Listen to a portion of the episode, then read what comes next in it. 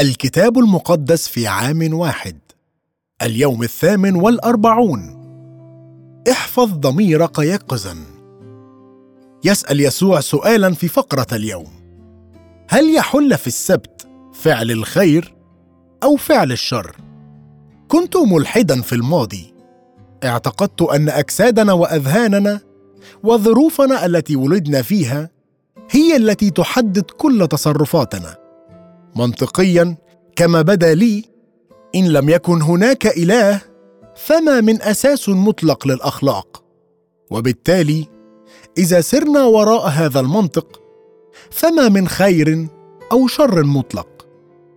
ومع هذا ففي أعماقي كنت أعرف أنه يوجد شيء يسمى الخير والشر. وحتى ولو كنت لا أؤمن بالله إلا إنني استخدمت هاتين الكلمتين. لكن لم أفهم أنه يوجد إله خلق كونا أخلاقيا حتى تقابلت مع يسوع في الكتاب المقدس وبالذات من خلال شخص يسوع المسيح. تستعلن طبيعة الخير والشر. أعطانا الله ضميرا لكي نعرف أن بعض الأشياء هي خير وبعض الأشياء الأخرى هي شر.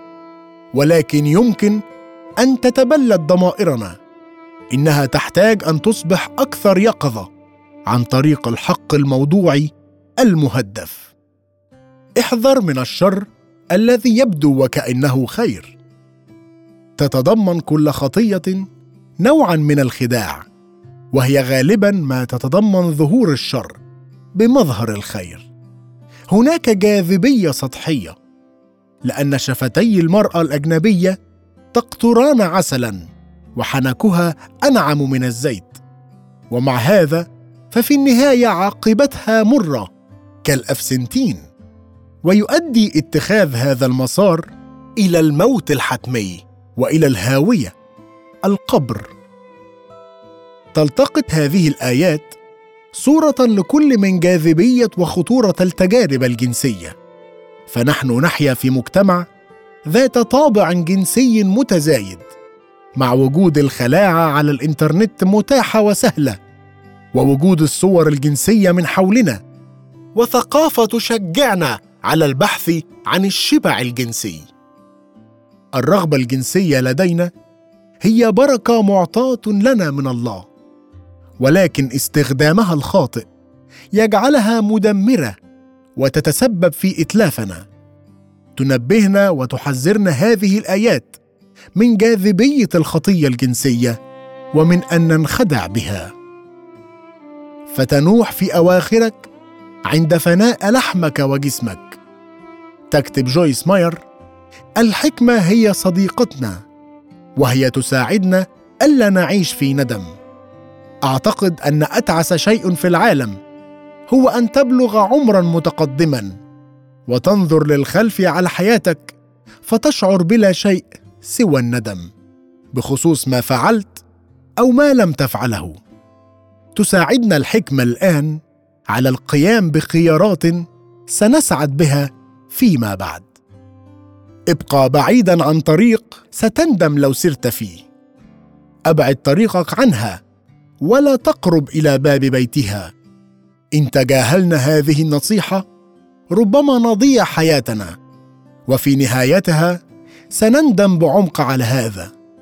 لا تتحدث بنعومة مع التجربة بل اهرب منها. ساعدني يا رب. حتى أتخذ احتياطات حكيمة في حياتي لكي أبقى بعيدا عن أي شيء يمكن أن يقودني إلى الخطية. ولا تدخلنا في تجربة لكن نجنا من الشرير. قرر ماذا بشأن يسوع؟ هل هو صالح أم شرير؟ من هو يسوع؟ كل منا عليه أن يحدد فيما يفكر بشأن يسوع. هل كان شريرا؟ هل كان مجنونا؟ أم كان الله؟ ليس هذا سؤالا جديدا. كان على الناس الذين في وقت يسوع أيضا أن يقرروا بين هذه الخيارات الثلاثة.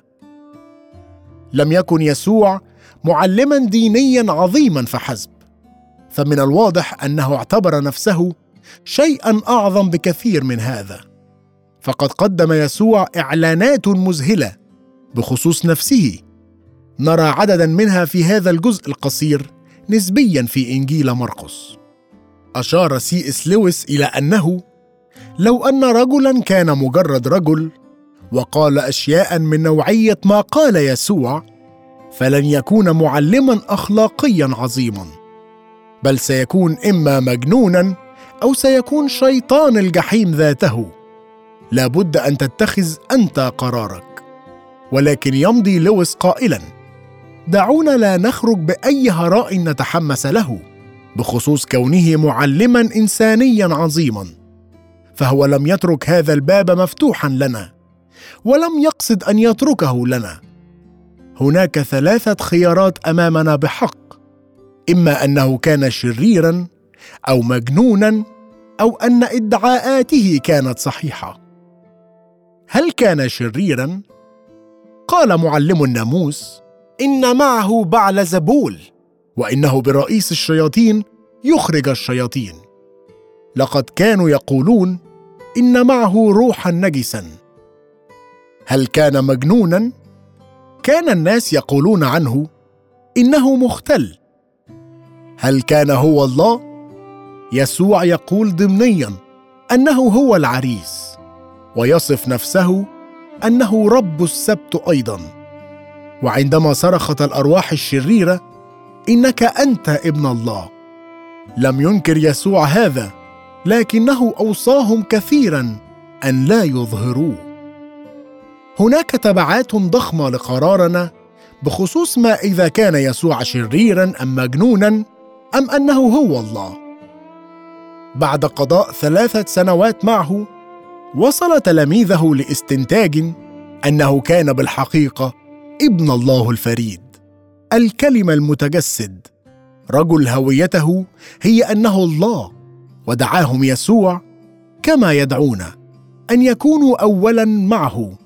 ثم ياخذوا رسالته لكل العالم. يقول يسوع لمن يصفونه إنه شرير ولكن من جدف على الروح القدس فليس له مغفرة إلى الأبد. سببت هذه الآية قلقا شديدا لكثير من الناس ولكن من كان قلقا بشأنها لن يكون قد وقع فيها. أولئك التائبين سيغفر لهم. حقيقة كونهم قلقين أي مستعدين للتوبة هي دليل مؤكد أنهم لم يقعوا فيها. ما يشار إليه هنا بالتجديف ليس مجرد نطق جملة ما بل توجه ثابت للذهن.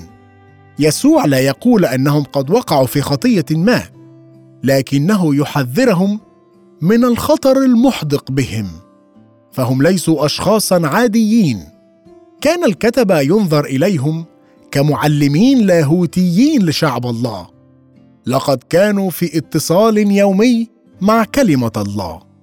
الخطية هي التوجه الذي يعتبر الخير شرا والشر خيرا. ومثل هذا الشخص يكون قد غرق إلى الدرجة التي لا يقدر عندها أن يتوب وينال الغفران. وطبعا ضمن هذه الفئة نجد يهوذا الإسخريوطي الذي أسلمه. يؤكد العهد الجديد لنا أن أي شخص يتوب ويرجع ليسوع سينال الغفران. يا يسوع أعبدك اليوم بصفتك العريس ربي وابن الله. شجع الخير وامنع الشر. رسم شعب الله قوانين لمجتمعهم. قد تبدو بعض القوانين غريبة جدا أو قاسية بالنسبة لنا. لكن إن قارناها بقوانين الشعوب القديمة الأخرى فسنجد أنها إنسانية بصورة ملحوظة وأن بعض المبادئ لا تزال تمسنا اليوم. صممت هذه القوانين لتحد من الشر. فمثلا هناك حق الدفاع عن النفس ولكن بدون استخدام القوة المفرطة في فعل ذلك. كما أن هناك منع أيضا لتصعيد العنف وإيجاد عقوبة تكافئ الفعل الشرير نفسا بنفس وعينا بعين. تم عمل الناموس بوضوح للقضاء لا ليمارس على المستوى الفردي. لقد كان مرشدا ودليلا للقضاه لإصدار الأحكام. لم يقصد به ابدا أن يقوم الأفراد بتوقيع الانتقام. في الواقع كان من المؤكد أنه لا يؤخذ حرفيا ما عدا حالات الجرائم الكبرى. كانت الشرائع ترى على أنها تقدم أقصى عقوبة ممكنة. كانت العقوبات بصورة عامة تستبدل بالغرامات المالية وإيقاع الأضرار. بالنسبة لقارئ قديم لا بد وأن التجديد على حقوق العبيد كان ثوريا. كان على السادة أن يطلقوا سراح عبيدهم بعد مدة قصوى تبلغ ستة أعوام. وكانت توجد محددات صارمة للحد من سوء معاملة العبيد. يبدو أنه كان يوجد اهتمام خاص بحقوق العبيد من النساء والذين لابد وأن وضعهم كان ضعيفا وهشا في العالم القديم. لا ينبغي التعامل معهم مثل العبيد الذكور. ولكن لابد إما أن يتم التزاوج بها أو يسمح لها بأن تفدى. في نفس الوقت سعت شرائع إسرائيل القديمة لأن تعزز الخير وتشجع عليه. قال الله وتكونون لي اناسا مقدسين. وبالتالي كانت هناك شرائع لحماية الغرباء وكذلك الأرامل والأيتام. في فقرة الغد سنرى أنه كانت توجد أيضا شرائع لضمان العدل مع الفقراء. وقد تم تعليم الأفراد ألا يطلبوا الانتقام لأنفسهم وألا يحملوا احقادا في نفوسهم. لكن تعلموا بالحري بل تحب قريبك كنفسك. ساعد الناموس على بناء مجتمع فيه ترابط ومسؤولية متبادلة كأساس له. ساعد كل قانون الشعب أن يتعلموا كيف ينتمون لبعضهم البعض ويعتنوا ببعضهم. هذا درس نحتاج جميعا أن نتعلمه خاصة في بيئة معيشة القرن الحادي والعشرين المستقلة والمنعزلة. نحن لا نتبع القوانين والقواعد فقط لأنه ينبغي علينا فعل هذا. بل لأنها تساعدنا على معاملة كل شخص بصفته شخص مخلوق على صورة الله. ساعدني يا رب ساعدني يا رب في حياتي لأتجنب الشر وأفعل الخير. ساعدني لأعامل كل شخص أتصل به باعتباره صورة الله بمحبة وكرامة واحترام. بعد أن قرأت سفر الخروج الإصحاحات 21 و 22 والتي تتعلق كلها بقوانين لحماية المجتمع أنا سعيدة جدا لأنه في العهد الجديد عاد يسوع تفسير قانون العهد القديم بشكل جذري ونراه يشفي شخصا ما في يوم السبت.